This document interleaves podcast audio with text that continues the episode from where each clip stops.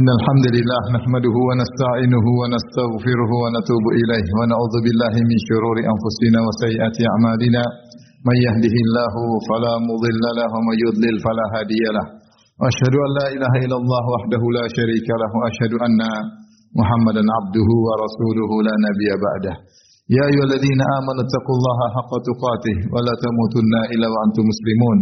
فإن أصدق الحديث كتاب الله وخير الهدى هدى محمد صلى الله عليه وسلم وشر الأمور محدثاتها وكل محدثة بدعة وكل بدعة ضلالة وكل ضلالة في النار معاشر المسلمين أوصيكم ونفسي بتقوى الله فقد فاز المتقون Sungguhnya di antara ibadah yang sangat agung adalah ibadah sabar.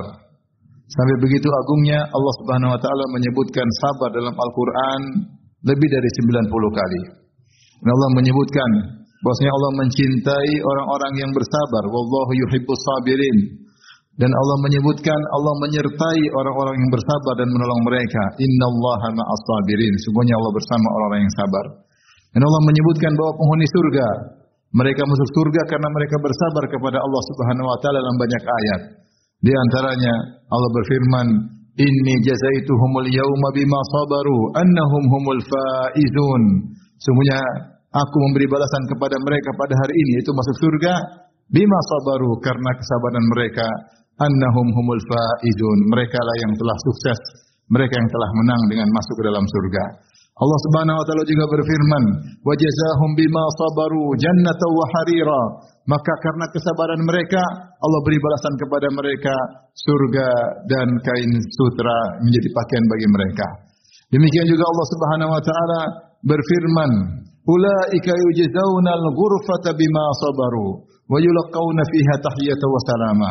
Mereka itulah orang-orang yang mendapatkan tempat yang tinggi di surga bima sabaru karena kesabaran mereka.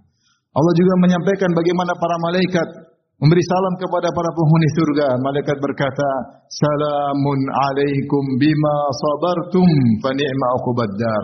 Keselamatan bagi kalian wahai para penghuni surga karena kesabaran kalian. Oleh karenanya sabar merupakan ibadah yang sangat agung sehingga sering kali disebut oleh Allah dalam Al-Qur'an. Kesabaran ada tiga. Sebagian orang menyangka bahwasanya namanya sabar adalah sabar ketika mendapat musibah saja. Padahal tidak. Para ulama menyebutkan bahwasanya sabar ada tiga. Yang pertama, as-sabrun ala taatillah. Sabru ala taatillah, sabar ketika menjalankan ketaatan kepada Allah. Yang kedua, as-sabru an maksiatillah, sabar dalam meninggalkan maksiat Allah Subhanahu wa taala. Dan yang ketiga, as-sabru alal aqdar al-mu'limah, sabar atas musibah-musibah yang menimpa. Ketiganya butuh kesabaran, terutama di zaman kita sekarang ini. Dalam menjalani ketaatan, kita butuh sabar. Dalam berbakti kepada kedua orang tua, kita butuh sabar. Sampai Nabi SAW menyatakan berbakti kepada kedua orang tua dengan jihad. Kata Nabi SAW, fafihi mafajahid, maka kepada kedua orang tua berjihadlah itu dalam berbakti kepada mereka berdua. Dalam menyambung silaturahmi butuh kesabaran menghadapi kerabat yang mungkin tidak mengerti, yang mungkin suka berkata-kata kasar berkata-kata kasar kepada kita, yang menuduh kita dengan tuduhan yang tidak-tidak, maka untuk bersilaturahmi menjalankan ketaatan butuh dengan kesabaran. Untuk senantiasa salat lima waktu berjamaah butuh kesabaran. Untuk bangun malam, salat malam bermunajat kepada Rabbul Alamin butuh kesabaran. Melawan rasa kantuk butuh kesabaran dan berbagai banyak ketaatan yang kita lakukan kita butuh kesabaran. Demikian juga dalam meninggalkan kemaksiatan, terutama di zaman sekarang ini, maka kita butuh lagi sabar yang begitu besar. Sabar untuk tidak melihat yang haram, menundukkan pandangan, jangan saya mata ini melihat yang diharamkan oleh Allah Subhanahu wa taala. Sabar untuk tidak menonton film-film yang menggoda, film-film yang hanya menghabiskan umur kita yang menampakkan aurat wanita, ya, yang berisi tentang keharaman-keharaman, tradisi-tradisi orang-orang barat yang buruk yang kita tonton setiap hari. Sabar untuk tidak menonton itu semua. Sabar untuk tidak mengklik tontonan-tontonan di YouTube yang hanya menghabiskan umur kita, yang menambah dosa bagi kita, yang tidak bisa kita pertanggungjawabkan di hadapan Allah jika Allah bertanya kepada kita tentang tontonan-tontonan tersebut. Dan masih banyak kemaksiatan yang harus kita sabarkan. Sabar untuk tidak menerima sogoan. Sabar untuk tidak menerima upah yang haram. dan kesabaran-kesabaran lainnya. Demikian juga sabar yang ketiga, sabar ketika menghadapi musibah-musibah yang tidak menyenangkan. Dengan meyakini bahwasanya musibah-musibah tersebut semuanya dari Allah Subhanahu wa taala dan Allah tidak akan tidaklah menimpakan musibah kecuali ada hikmah di balik itu. Kata Allah Subhanahu wa taala, "Ma asaba min musibatin illa bi idznillah, wa may yu'min billahi yahdi qalbah." Tidak ada musibah yang menimpa kecuali dengan izin Allah Subhanahu wa taala. Dan siapa yang beriman, maka Allah akan beri hidayah kepada hatinya. Itu siapa yang menerima musibah tersebut, dia pasrah, dia tahu itu dari Allah Subhanahu wa taala. Dia tahu bahwasanya musibah tersebut tidak menimpanya kecuali demi kebaikannya. Maka siapa yang bisa bersabar pada tiga hal ini? Bersabar dalam jalan ketaatan, bersabar dalam meninggalkan kemaksiatan, bersabar ketika tertimpa musibah, sungguh dia adalah orang yang beruntung. Lihatlah Nabi Yusuf alaihissalam. Allah Subhanahu wa taala mengujinya dengan ketiga perkara ini dan dia bersabar dalam tiga perkara tersebut. Nabi Yusuf alaihissalam sabar ketika digoda oleh Zulekha dengan kesabaran yang luar biasa. Ketika semua pintu ditutup, ketika Zulekha wanita yang sangat cantik jelita telah merias dirinya dan dia yang merayu Yusuf alaihissalam. Ketika hasrat Zulekha sudah memuncak dan hati Nabi Yusuf juga sudah tergerak. Namun dia bersabar meninggalkan maksiat yang luar biasa tersebut dia bersabar karena Allah Subhanahu wa taala. Sampai Allah abadikan kesabarannya tersebut dalam Al-Qur'an. Lihatlah bagaimana Nabi Yusuf alaihissalam sabar ketika menghadapi perkara-perkara yang menyedihkan. Sabar ketika dia ternyata dijahati oleh kakak-kakaknya. Kemudian dijauhkan dari kedua orang tuanya. Begitu jahat kakak-kakaknya sampai dia dibuka bajunya lantas dimasukkan dalam sumur. Kemudian dijual sebagai seorang budak Dipisahkan dari ayah yang sangat dia cintai, dipisahkan dari ibunya. Ujian yang terus dia alami. Sabar ketika di penjara Nabi Yusuf alaihissalam. Ujian tersebut semua dihadapi oleh Nabi Yusuf dengan baik. Demikian juga sabar Nabi Yusuf alaihissalam ketika menjalankan ketaatan, sabar untuk memaafkan, sabar untuk tidak marah. Ketika saudara-saudaranya tidak tahu bahwa yang dihadapannya adalah Nabi Yusuf, Ya, kemudian mereka berkata, "Iya srika faqad saraka akhul lahu min qabl." Sungguhnya kalau Binyamin mencuri saudaranya kakaknya dulu maksudnya Yusuf juga mencuri. Padahal di hadapan mereka penguasa tersebut adalah Nabi Yusuf. Apa kata Allah Subhanahu wa taala? Fa asarraha Yusuf fi nafsiha wa lam yubdiha lahum. Maka Yusuf pun menyembunyikan dalam hatinya. Dia marah tapi dia tahan. Qala antum syarrum makana. Sungguh kalian lebih buruk daripada kami. Dan Nabi Yusuf tidak menampakkannya kepada kakak-kakaknya. Dia menyabarkan dirinya untuk memaafkan. Ketika dia buka kartu bosnya dialah Yusuf. Mereka berkata, "Inna kala anta Yusuf?"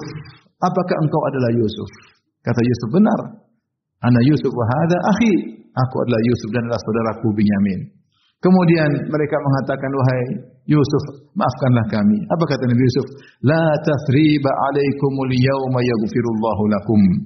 Tidak ada celaan bagi kalian. Sejak hari ini semoga Allah mengampuni dosa-dosa kalian. Subhanallah bagaimana dia sabarkan dirinya utuh tidak mencela kakak-kakaknya yang telah menyakitinya selama bertahun-tahun. Inilah hamba Allah yang terpilih. Nabi Yusuf alaihissalam. Oleh karenanya dia mendapatkan penghujung yang indah. Kata Nabi Yusuf kepada kakaknya, "Innahu mayyattaqi wa yasbir." Sungguhnya siapa yang bertakwa dan bersabar, fa inna Allah la yudhi'u ajral muhsinin. Sungguhnya Allah tidak akan menyia-nyiakan pahala orang-orang yang berbuat ihsan. Barakallahu li wa lakum fil Qur'an wa nafa'ani wa iyyakum fima min dzikril hakim aqulu qali hadza astaghfirullah wa lakum wa lisal muslimin kulli dhanbin wa khati'in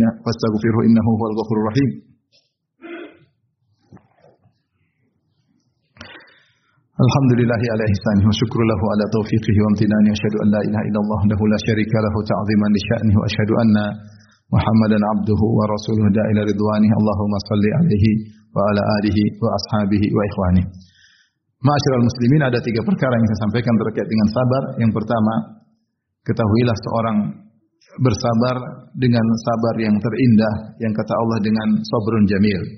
Nabi Yakub berkata fasabrun jamil maka yang aku lakukan adalah kesabaran yang indah. Apa itu kesabaran indah?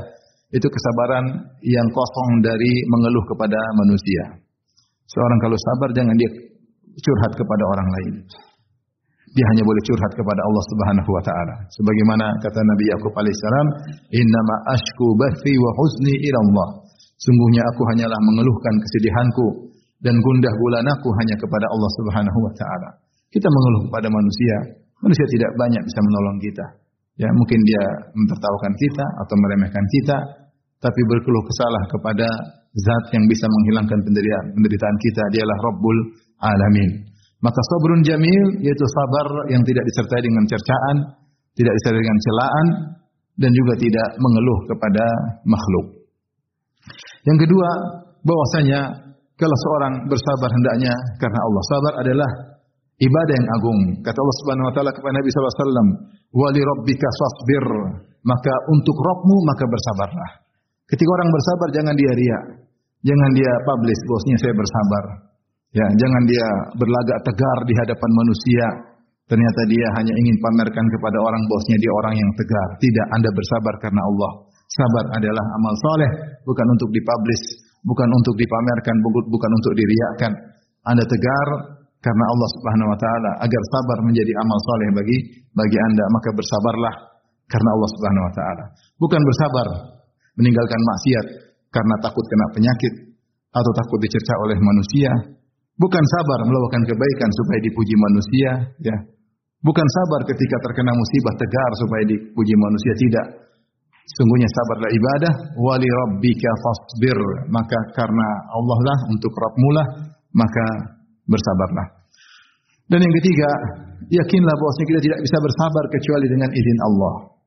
Maka ketika kita terkena musibah, atau kita harus bersabar. Mintalah kepada Allah agar kita mudah disabarkan. Kata Allah Subhanahu wa taala, "Wasbir wa ma sabruka illa billah." Bersabarlah wahai Muhammad dan tidaklah engkau bisa bersabar kecuali dengan pertolongan Allah Subhanahu wa taala. Kata Tahir bin Ashur dalam tafsirnya, karena itulah sabar Muhammad sallallahu alaihi wasallam sallallahu alaihi wasallam sabar yang luar biasa yang mengungguli sabar-sabar semua manusia. Bahkan dia adalah pemimpin daripada ulul azmi minar rusul Jadilah imam yang paling sabar di antara seluruh manusia paling sabar di alam semesta ini. Kenapa? Karena dia sabarnya dari Allah Subhanahu wa taala. Maka kalau kita bersabar jangan kita terlalu pede dengan diri kita, tapi kita sandarkan segalanya kepada Allah. Kita ini sangat lemah. Kapan-kapan kita bisa marah, kapan-kapan kita bisa tergoda, kapan-kapan kita bisa menangis, bisa ngamuk dan yang lainnya. Maka pasrahkan diri kepada Allah agar kesabaran datang dari Allah maka seorang akan menjadi kuat dalam menghadapi berbagai macam cobaan.